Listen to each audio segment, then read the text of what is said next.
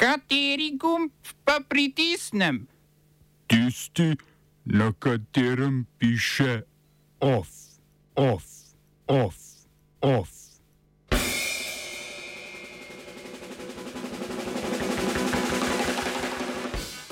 Kitajska po skoraj treh letih ukinja obvezno karanteno ob vstopu v državo. V Parizu protesti zaradi umora treh kurdov. Odstopil četrti minister japonske vlade v zadnjih treh mesecih. V kulturnih novicah zvočni pregled kulturnega leta.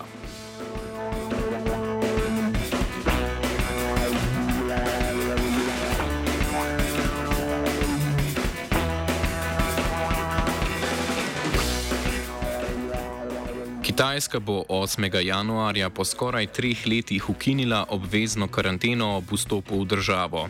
Odločitev je bila sprejeta po protestih proti strogim protikoronskim ukrepom, ki so bili v veljavi iz, od izbruha virusa in je del omiljevanja kitajske protikoronske politike. Za vstop v državo bo potreben le negativen PCR test, ki ni starejši od 48 ur. V skladu s politiko ničelne tolerance COVID-19 je ob vstopu v državo do zdaj veljala obvezna 8-dnevna karantena v centru za izolacijo z možnostjo izolacije na domu v zadnjih treh dneh. Nednadna odprava omejitev je povzročila nov val okužb in preobremenitev bolnišnic. Država pa se je preusmerila v ukrepitev preprečevanja in nadzora okužb v kritičnih ustanovah, kot so domovi za starejše.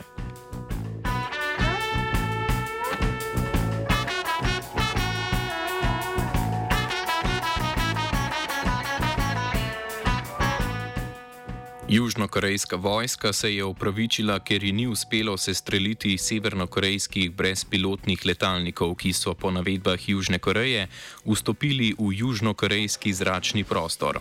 Severna Koreja je tako prvič po letu 2017 kršila južnokorejski zračni prostor. Kljub petournemu naporu južnokorejske vojske, da bi drone sestrelili, so se vsi varno vrnili nazaj v Severno Korejo. Predsednik Jun Sok Jul je dejal, da incident kaže na zelo slabo pripravljenost vojske.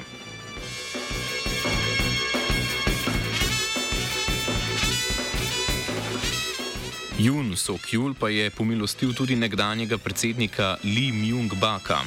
Leta 2018 je bil obsojen na 17-letno zaporno kazen zaradi prejemanja podkupnin in poneverb. Zaradi slabega zdravstvenega stanja je leta 2020 nižje sodišče odobrilo Lijov izpust ob plačilu varščine, a vrhovno sodišče tega ni potrdilo. Jun Sok Jul je Lijevo pomilostitev izdal kot del množičnih pomilostitev, ki so v času praznikov običajne. Poleg Lija je bilo pomiloščenih še 1300 zapornikov.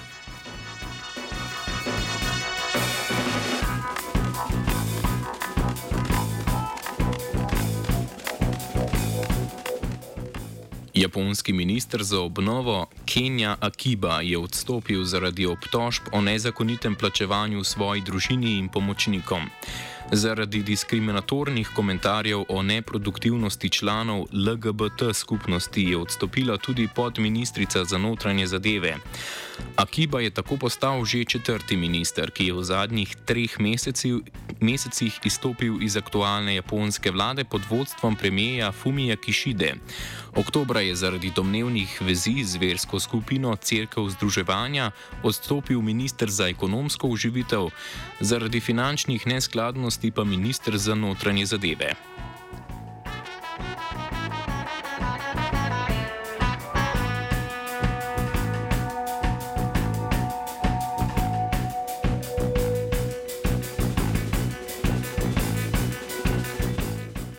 Belorusko sodišče je nekdanjo olimpijsko plavalko Aleks Aleksandro Herasiminjo in političnega aktivista Aleksandra Opejkina zaradi ogrožanja nacionalne varnosti obsodilo na 12 let zapora.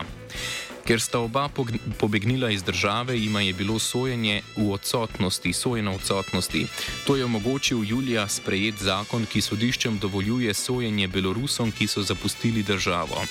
Augusta 2020 sta obsojena ustanovila Belorusko športno solidarnostno fundacijo, ki združuje več kot 100 športnikov in aktivno nasprotuje Lukašenkovi vladavini. Po poročanju državne tiskovne agencije sta od leta 2020 prek medijev in družbenih omrežij širila lažne informacije o poteku in izidu predsedniških volitev. Sodišče je Herasimini poleg dodeljene zaporne kazni zaseglo stanovanje, avto in slabih 50 tisoč evrov.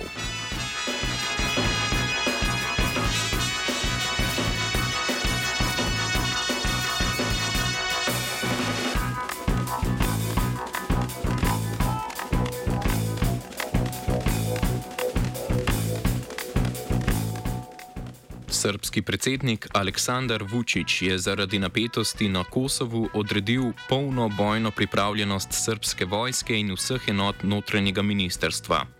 Po besedah obrambnega ministra Miloša Vučeviča bi to pomenilo, bi lahko pomenilo tudi uporabo oboroženih sil.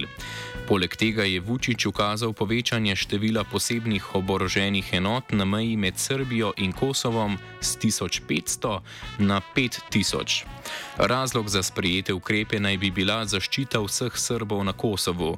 Prav danes so srpski prebivalci severnega Kosova postavili dve novi barikadi prometnic, ki skupno blokirajo šest cest.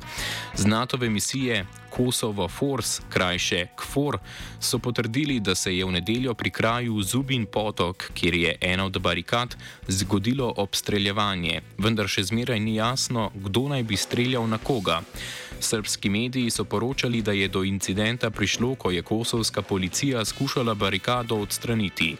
Kosovski notranji minister Dželjaj Svečlja pa je Srbe obtožil kar napada Silk Fora.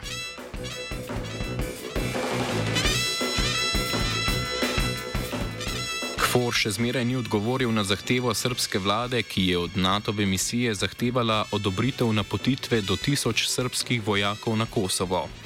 Na KFOR-u zahtevo še preučujejo. Do nadaljne Vučičeve predstave, ki je namenjena predvsem srpski javnosti, prihaja potem, ko je kosovski premijer Albin Kurti sprejel odločitev o postopni preregistraciji vozil s srpskimi registrskimi tablicami na severu Kosova.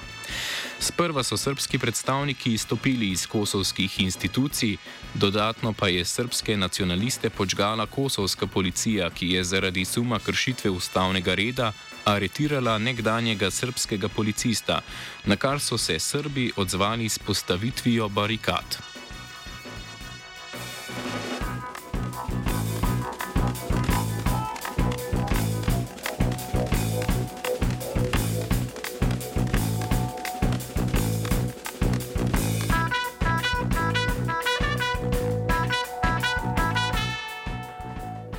Morilca treh kurdov v Parizu so obtožili umora in poskusa umora na podlagi rase, etničnosti, nacionalnosti ali religije. Poleg tega so ga, so ga obtožili nedovoljenega posedovanja orožja. V Parizu so po petkovih umorih dveh kurdov in ene kurdinje, ki so se zgodili v kurdskem kulturnem centru, nadaljujejo protesti. Kurdinja je bila povezana z delovsko stranko Kurdistana, krajše PKK. Kurdska skupnost je streljanje označila za politično in teroristično dejanje. Napad se je zgodil skoraj deset let po nerešenem umoru treh kurdskih aktivistk v Parizu, med katerimi je bila tudi ustanovna članica PKK-ja Sakine Džanzes. Tako za napad leta 2013 kot za napad prejšnji teden kurdska skupnost krivi Turčijo. Včeraj je bil za umorjene kurde organiziran spominski pohod, na katerem je več kot 100 ljudi zahtevalo resnico in pravico. Turška vlada je PKK obtožila širjenje protiturške propagande in na pogovor poklicala francoskega veleposlanika v Ankari, ker francoska vlada domnevnega širjenja propagande ni zaustavila.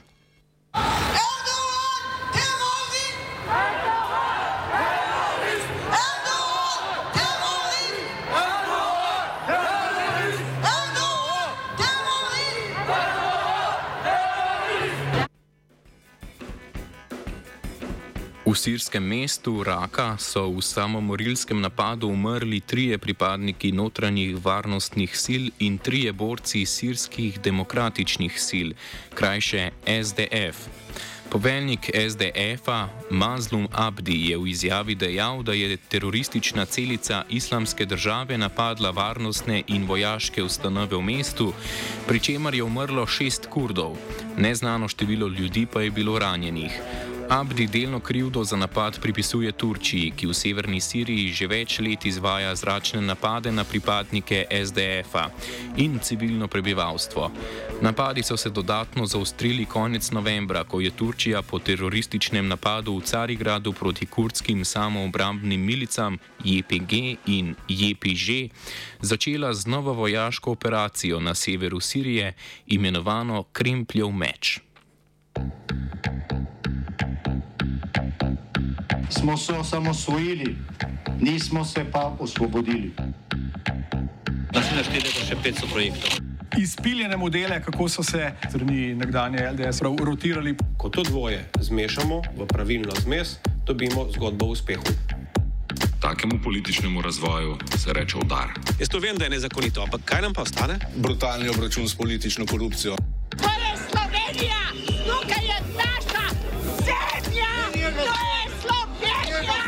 Slovenija, Slovenija. Računsko sodišče je v reviziji ugotovilo, da so zdravstveni delavci na primerljivih delovnih mestih prejemali različno visoke COVID-ne dodatke. Šest revidiranih javnih zavodov je po navedbah računskega sodišča zaradi ohlapnih določb, predvsem internih predpisov na različne načine, določalo pogoje za izplačevanje dodatkov zaradi epidemije COVID-19 v letu 2021. Zneski so se gibali med 3 in 6 tisoč evri.